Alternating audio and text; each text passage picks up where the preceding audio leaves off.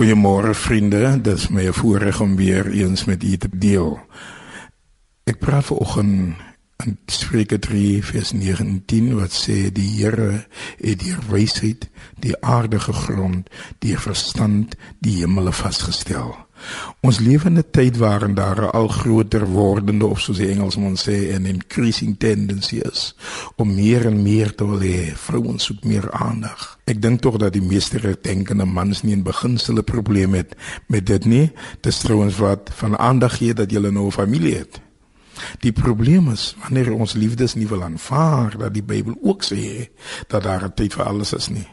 Alles wat in sy tyd reg is, is nie noodwendig reg in oes tyd nie. So al die liefde wat ek so mildelik sal uitstort by ander tye kan ongelukkig nie tot dieselfde mate gebeur op Saterdag wanneer ons rugby kyk nie.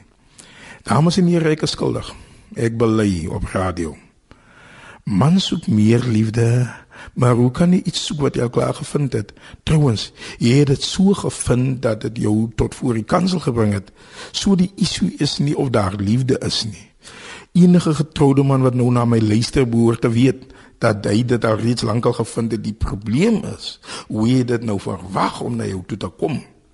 Die meisie wat jy destyds ontmoet het, en vir jou sulke vier warm liefde gegee het dat haar pa jou nie met 'n geweer kon weghou nie.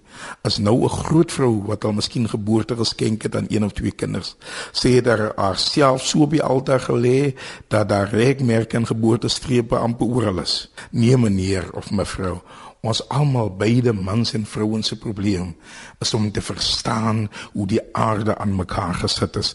Hoe sê Engelman sê how the world works.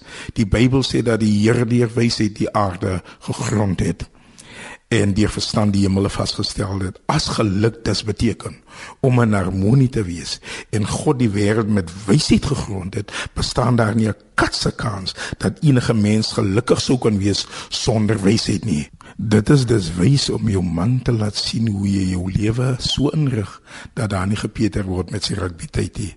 Meneer, dit is ook wys om jou tye 'n week vooruit te beplan te reël met jou vrou om alles wat alles wat jy vir haar moet doen, so te doen dat jou rugby nie struikelblok word nie. As die Here die aarde met wysheid gegrond het en wysheid geen plek in jou huwelik het nie, is dit seker te verstaan as dit nie so baie gegrond uitdiglik is nie. Meneer mevrou, dis hoogtyd dat julle twee mekaar se hande nou vat. Saam met my die volgende woorde bid. Here, ons beloof om wysheid in 2015 'n hoeksteen van ons huwelik te maak. Die Here seën.